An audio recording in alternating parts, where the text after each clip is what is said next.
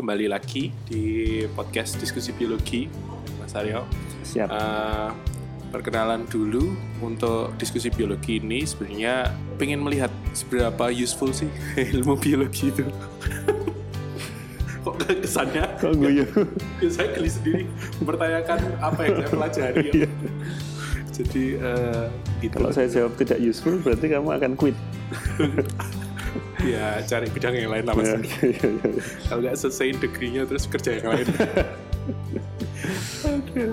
nah, tetapi dari perspektif uh, yang bukan fokus di bidang biologi. Mhm, Jadi uh, Ya.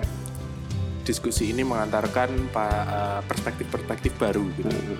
Apakah kita bisa menolong uh, bidang lain dengan, dengan uh, latar belakang yang berbeda atau berkontribusi di bidang lain dan uh, pengen lihat sebenarnya pertanyaan umum yang nanti akan dijawab Mas Ari yang pertama kali yaitu uh, menurut Mas Ari biologi itu apa? Mhm. Nah, Oke, tapi sebelum dijawab Mas, perkenalan dulu. oke. eh, nama saya Aryo, Aryo Wiryawan. Eh, saya saat ini sebagai CEO dari Inmira Group. Eh, kalau latar belakang pendidikan saya sebetulnya seperti yang Mas Anka tadi sudah bilang ini tidak ada hubungannya dengan biologi sama sekali ya. Makanya mungkin jadinya diajak di podcast ini. saya eh, belajar eh, computer science dan informatik engineering jadi backgroundnya di situ tapi kalau background uh, hobi dan pekerjaan dan bidang pekerjaan saat ini lebih banyak ke bidang yang berhubungan dengan sustainable food production Sustainable Food Production. Yes. Itu kalau salah motonya, eh, visi misinya Inmira ya Mas? ya betul Oke, siap. Nah, eh, ada lagi yang mau diperkenalkan? nah, sebenarnya Inmira itu kan tadi dibilang grup ya, Inmira Hmm. grup. Di Inmira itu ada apa sih Mas? Uh, di grup itu sebenarnya kan strukturnya seperti ini. Kenapa menjadi sebuah grup? Karena Inmira itu sendiri aslinya perusahaan yang uh, cukup heavy di bidang uh, research dan uh, development ya. Jadi Iya, dalam kegiatannya kita uh, sering kali menelurkan sebuah uh, produk atau jasa yang pada akhirnya uh, harus kita komersialkan karena riset kita semuanya uh, dibiayai oleh komersialisasi dari hasil risetnya. Oh, Nah, oleh sebab itu uh, setiap riset dari sekian persen dari yang kita lakukan kan ada yang jadi. Nah, ini biasanya kita komersialkan, kita bikin sebuah entah itu menjadi anak perusahaan, entah itu menjadi Oh. uh, sister company sehingga akan ada grup-grup di bawahnya. Jadi seperti misalnya yang paling uh, apa uh, industri yang paling awal kita masuki adalah industri pertanian terutama produksi pupuk organik.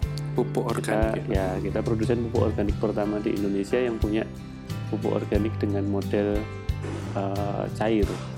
Pupuk. Ketika itu tahun 90 sekian Oh, gitu. Nah, kemudian itu kita produksi, kita ada pabrik pupuk organiknya dan ada usaha tentang pupuk organik. Nah, untuk itu kita punya anak perusahaan distribusi pupuk organik namanya PT Citra Nusaniaga. Citra Nusa Niaga disingkat CNN ini ya Yes, Mas ya. Oh, siap. CNN Indonesia. The real one. itu terus ada uh, kita punya uh, bidang lain yaitu produksi makanan, sayur-sayuran, buah-buahan dan juga ikan, Hmm. udang dan ikan kerapu itu yang produksi seperti ini dan kemudian juga sekaligus sebagai trading company-nya Iya. untuk di food-nya, Heeh, terutama raw food ya. heeh. Belum sampai ke proses food masih raw food itu adalah PT Amboja Global Lestari.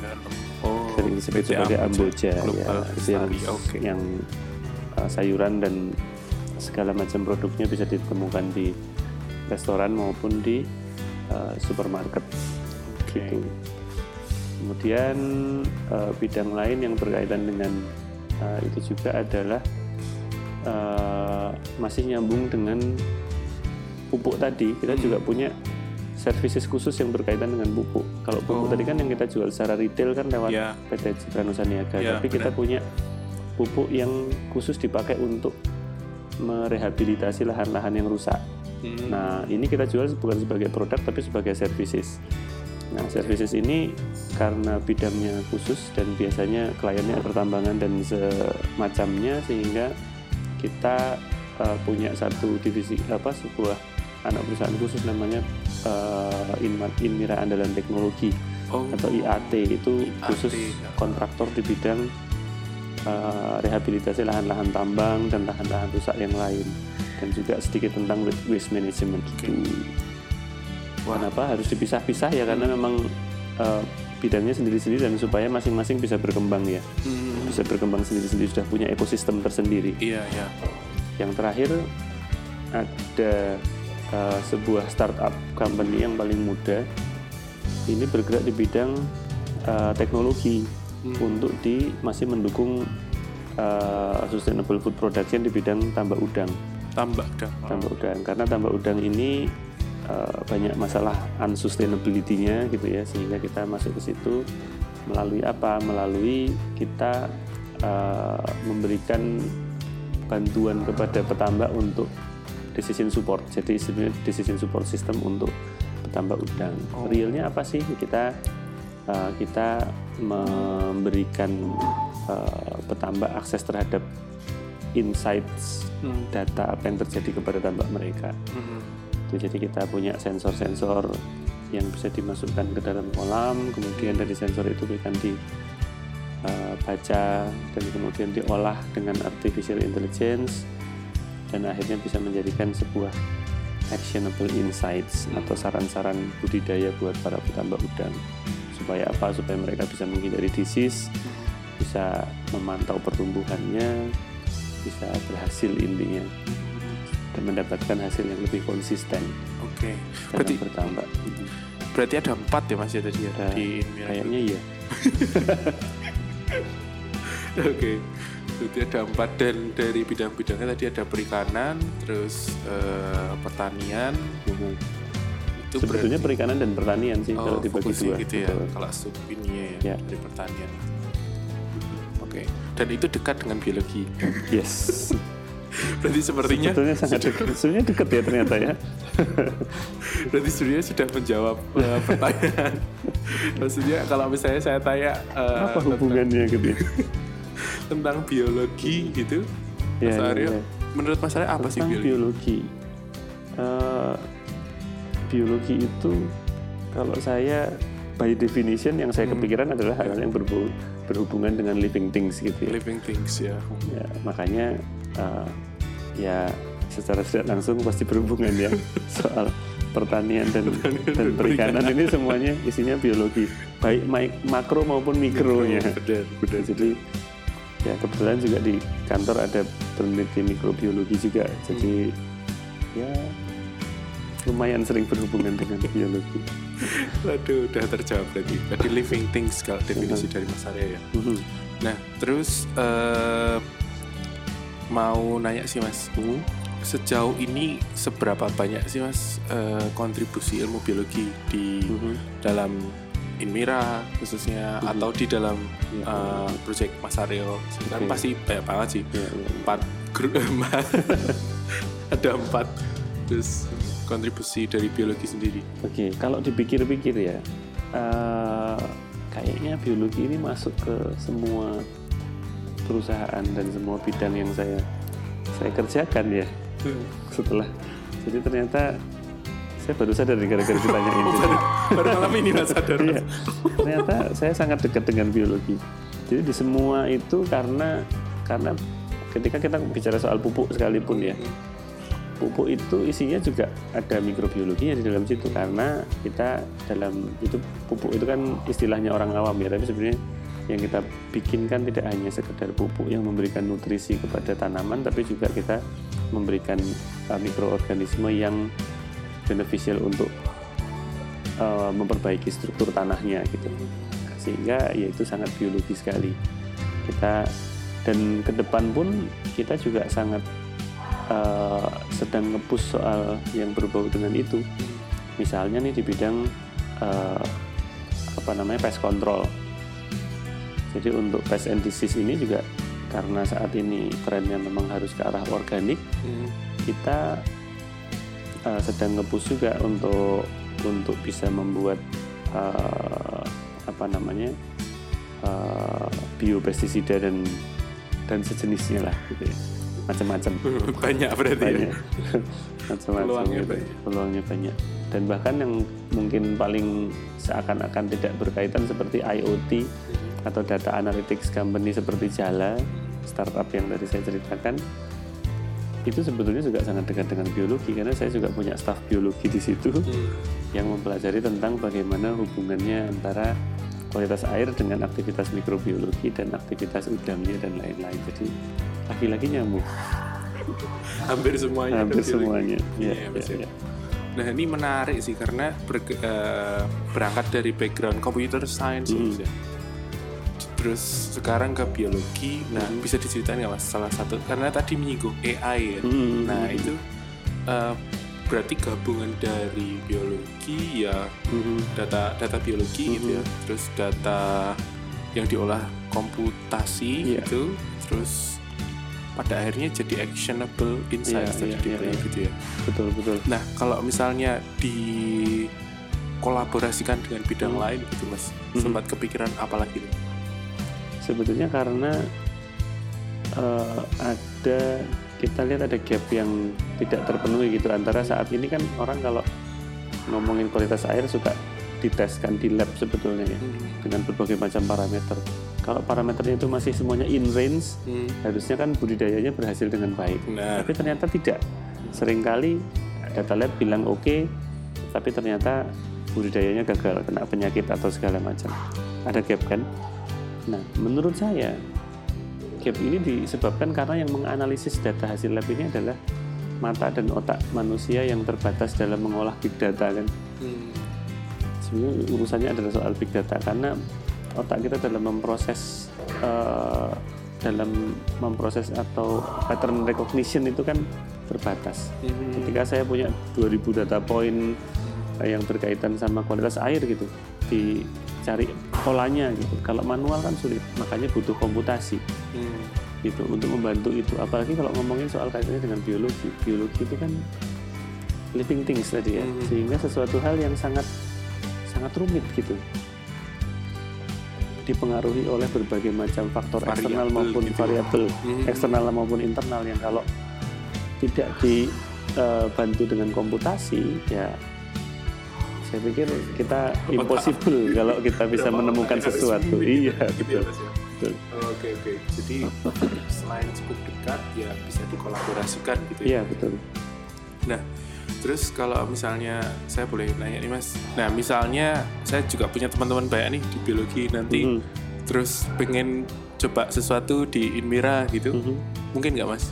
Uh, sangat memungkinkan Sangat mungkin kan? sangat ya? memungkinkan saya itu sangat happy kalau ada eh, apa namanya eh, fresh mind gitu ya yang Fresh mind. datang datang ke Inmira untuk untuk menawarkan sudut pandang baru ataupun sekedar membantu memercikkan eh, ide sebuah inovasi gitu. Karena kadang-kadang inovasi yang terjadi itu selalu prosesnya kan nggak selalu dipikirkan dengan matang awalnya gitu ya kadang-kadang gara-gara ngobrol di warung kopi Hmm. ada satu atau dua kata yang memercikkan sesuatu kemudian besoknya ditindaklanjuti dengan studi jurnal dan Iya, iya. besoknya bisa dibikin sebagai starting a new project gitu ya sih. gitu jadi ya sering kali proses inovasi di Inmira seperti itu makanya ketika ada orang baru ngobrol uh, dan juga ikut mungkin ikut uh, apa namanya uh, punya curiosity yang sama dengan kami di Inmira gitu ya kami sangat senang kita terbuka Sangat terbuka ya ya? Wah, peluang banyak Iya. ini sepertinya. biologi.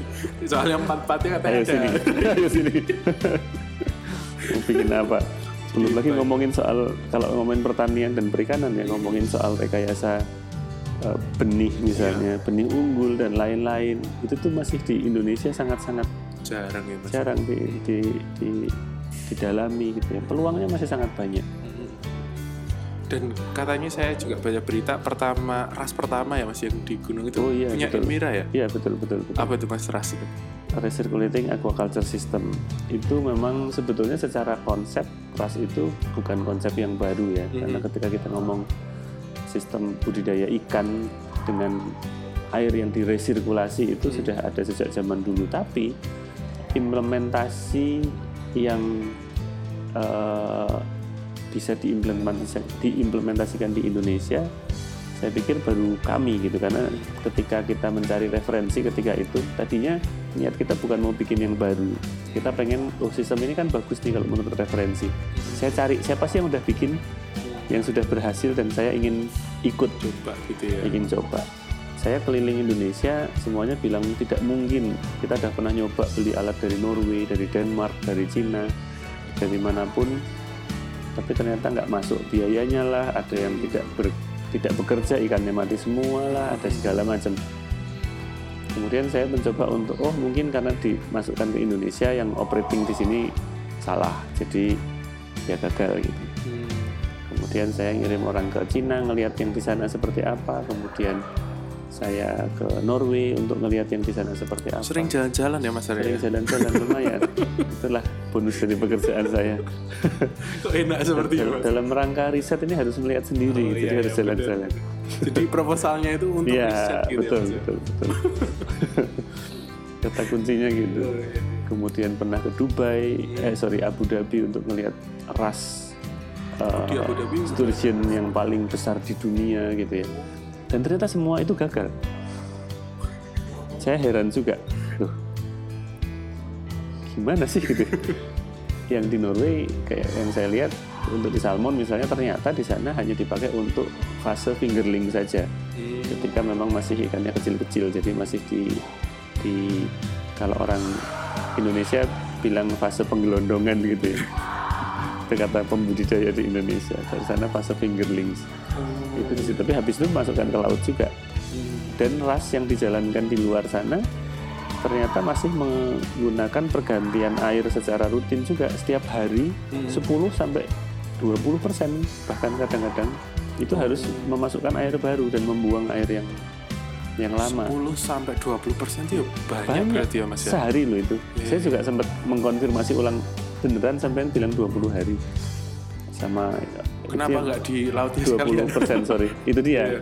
sehingga ras itu harus di tepi laut sehingga menurut saya menjadi nihil Mm-mm. keunggulannya Value-nya gitu ya. Jadi jadi yang saya kepengen kan saya bikin ras saya tidak ada hubungan dengan laut gitu Mm-mm.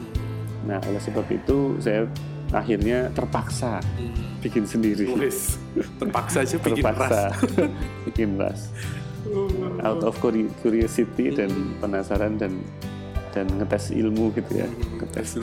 Diisi apa Mas ras? Kayak dukun ya ngetes ilmu. Diisi kerapu awalnya Hah? tapi sekarang sudah bisa juga untuk bawal bintang. Oh. Jadi sudah ada dua spesies yang yang bisa berjalan di sana. Iya lumayan ya Mas. Bisa nambah ikan air laut lainnya juga kayaknya. Sepertinya begitu. Berencana begitu. Oh gitu. Saya kepengen nyoba udang udang belum. Hah. udang sudah dicoba sorry. Sudah dicoba tapi belum berhasil. Hmm. ternyata paling sulit. Hmm. kalau bawal bintang dan kerapu sudah oke. Oke. eh, yang lain lagi belum. Oke. Berarti teman-teman kalau misalnya ada yang pengen main ke Inmira, diskusi, lihat-lihat kolam rasnya, lihat Inmira boleh mas? boleh Langsung dijawab boleh. boleh pakai sekali boleh pakai saya sekali. harap nah saya tadi kan juga ngomong soal Hmm. kenapa saya terbuka sama teman-teman yang baru mungkin mereka bisa membantu untuk memercikan ino- inovasi Hmm. tapi begitu juga sebaliknya kalau ada teman-teman yang butuh datang untuk merefresh otak dan membutuhkan membutuhkan eh, apa namanya eh, dipercikkan inovasinya mungkin juga bisa sebaliknya jadi si- siapa tahu ngelihat apa yang ada di Inmira jadi, Jadi punya ide punya ide, boleh gitu. juga nggak masalah Oh, mantap, mantap. gitu Jadi balik ke konsep kolaborasi tadi Ya, ya mas ya. betul, Berarti betul. Kalau saya boleh bilang berarti Inmira itu juga walaupun ada di dalamnya banyak R&D-nya tapi sebagai pelaku industri gitu ya mas betul betul pelaku industri yang berkolaborasi sama akademisi sebenarnya ya betul, pada betul. yang oleh mahasiswa atau Ya, apa gitu. betul Nah sejauh ini kolaborasi yang terjalin antara Inmira dengan eh, akademisi paling banyak dari mana mas? Jogja atau Hmm. dari luar Jogja juga? Saya dengar malah dari luar negeri juga banyak. ya ada juga sih luar negeri Jogja dan luar Jogja kayaknya kurang lebih ya sama ya Sama. Oh berarti karena banyak banget ya Karena, coverage-nya juga. sama itu kan bisa dalam arti banyak banget semuanya atau semuanya sedikit semuanya sedikit sebetulnya yang MOU dengan kami cukup banyak Hmm. uh, universitas uh, secara resmi gitu ya Hmm. SMK juga begitu SMK Oh, juga kita punya banyak SMK banyak ya? banyak kolaborasi dan punya MOU tapi yang ini sayangnya nih makanya yang harus harus selalu kita push lagi adalah belum ada yang menelurkan riset yang betul-betul breakthrough gitu Hmm. kadang-kadang masih terjadi gap dari sisi tujuan gitu ya Hmm. misalnya nih kami bertujuan untuk produk ini bisa sampai ke pasar Hmm. sedangkan kalau di akademisi kan biasanya sampai papernya jadi gitu. Iya, iya. sehingga ada dua kepentingan dan dua time frame yang mungkin bertolak belakang sehingga filosofinya menjadi berbeda gitu. Sehingga memang agak belum ketemu lah ini ya apa eh, apa formulasi yang tepat gitu. Tapi mestinya bisa sih. Ya bisa dimungkinkan kalaupun dipertemukan gitu ya, Hmm. didiskusikan Mhm. dua-duanya akan bisa mencapai tujuan tadi iya ya. betul harusnya begitu publikasi ya tetap dapat Betul, untuk betul. komersialisasi juga betul mungkin asal jalan dari depan kan gitu iya iya iya karena kan biasanya untuk publikasi kan punya time frame yang oh ini harus dalam waktu sekian saya harus lulus misalnya gitu ya Mhm. kalau nggak lulus nanti gimana kan iya sedangkan kita kalau di industri kan nyarinya kan perfectionnya. Iya ya kamu belum lulus ya terusin terus. Iya. sampai perfect gitu. Kalau kayak gitu Kalau gitu kan- sih ya nggak. Nanti lulus- lulus. semua nanti semua nanti.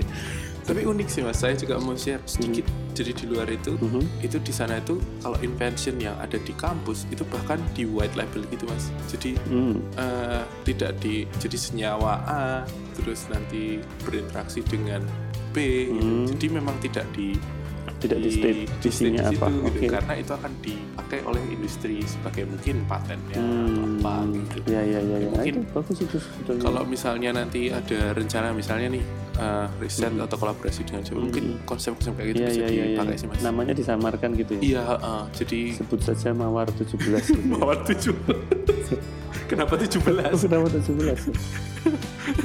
Nah, itu bisa di-cut sepertinya gitu. Gak apa-apa mas Justru yang kayak gini yang Yang penting gitu, oke oke oke. Ini intinya ya. Iya iya Oke jadi sebenarnya udah dapat kesimpulan ya mas ya Dan Iya, iya, podcast ini eh, harapannya sih ke depannya Intinya itu biar teman-teman dari sudut pandang biologi itu Mhm. bisa mengenal dunia luar Terus Betul. kolaborasi possibility-nya apa aja gitu kan Kita Betul, bisa betul. Berkontribusi apa berdasarkan permasalahan Iya. atau perspektif dari orang lain tersebut gitu Betul, sih betul. Oke, makasih banyak Mas Aryo. Ada Siap. yang mau disampaikan? Ada. Iya, monggo monggo. Eh, saya pengen menekankan tadi yang Mas Anka sudah bilang soal kolaborasi tadi. ya. Mhm. Teman-teman eh, yang mendengarkan podcast ini mungkin eh, sering mendengar kata-kata itu juga, tapi saya kepengen menekankan lagi kepada teman-teman kolaborasi itu betul-betul penting dan itu bukan hoax gitu ya. Bukan hoax ya. Contohnya gimana dan pentingnya apa? Kolaborasi itu penting untuk apa? Untuk memperluas sudut pandang kita sebetulnya. ya. Contohnya di Inmira, di Inmira sendiri kan eh, inovasi yang kita buat itu sebagian besar multidisiplin ilmu gitu ya. Selalu ada dua atau tiga disiplin ilmu yang terlibat di dalamnya. Untuk apa? Untuk bisa membuat sebuah solusi yang inovatif. Mhm. Karena ketika kita hanya melihat dari sudut pandang yang satu saja, kadang-kadang monoton dan mentok. Mhm. Misalnya nih, ada problem dari sisi biologi yang akan di-solve oleh orang-orang biologi saja. Mhm. Kan ilmunya bisa jadi fokusnya hanya ke situ, padahal mungkin bisa di-attack Hmm, problemnya dari sudut pandang lain baik benar. dengan cara lain gitu. Ternyata orang psikologi bisa membantu dari sisi apa? Iya. Kita misalnya ngomongin soal eh, dunia dunia Inmira ya, Hmm. yang dunia agrikultur gitu. Benar. Ya. Kalau kita ngomongin soal pertanian, kalau kita hanya serahkan kepada kawan-kawan kita di pertanian saja, saya pikir akan sangat apa one sided gitu ya informasinya. Orang-orang hanya melihat dari oh kalau supaya pertaniannya unggul itu apa? Oh harus benih unggul, pupuknya bagus, tanahnya bagus. Itu aja yang di, di otak-atik. Ya. Tapi ternyata kita lupa bahwa kadang-kadang petani itu gagal urusannya apa tadi urusan psikologi Hmm, gimana petani itu sebetulnya sangat resisten terhadap inovasi, Hmm. sangat tidak uh, pro terhadap growth gitu ya Iya, misalnya iya. segala macam. Kenapa? Karena ada fear factor yang harus diselesaikan dari sisi psikologi Iya, misalnya. Jadi solusinya kemudian bisa apa? Tidak harus selalu produk, tapi juga bisa services atau jasa atau apa pun itu bisa jadi uh, sebuah platform yang disambungkan lagi dengan IT Iya. yang bisa membantu petani untuk ini itu ini itu dan seterusnya dan seterusnya itu menurut saya arti real dari kolaborasi dan memperluas sudut pandang gitu jadi jangan sampai kalian cuman menjadi uh, pemikir yang kacamata kuda gitu ya Jadi intinya nggak cuman idenya atau uh, solusinya, tapi juga melihat problem di masyarakat Ya, betul. dan lain sebagainya itu justru harus banyak banyak sudut kolaborasi banyak ya, sudut sudut pandang. Betul. Oke, Mas katanya di Mira mau ada event apa nih? oh iya betul Ah. ada dua event sebetulnya Dua event ya? ada dua event yang dirangkai menjadi satu Wah, dirangkai Empat jadi hari. satu. Jadi ada tiga, ti- tiga hari event Hacker Farm yaitu uh, inovasi lomba inovasi di bidang pertanian di bidang farming Mhm. Uh, itu pendaftarannya sudah ditutup dan sudah tinggal acaranya Oke. 29, 30, 31 Agustus, Agustus ini ya? 2019. Mhm. Kemudian ada satu acara puncak sekaligus itu festivalnya para petani yaitu Festival, Waluku Oh, di Waluku tanggal ya. 1 September 2019 hari Minggu yang harapannya eh, ini adalah cikal bakal dan ini baru dua tahun ini kita selenggarakan. Dan ini visi kami sebetulnya kita kepengen ini menjadi sebuah eh, celebration of eh, eh, agriculture secara luas gitu ya. Hmm, Oke.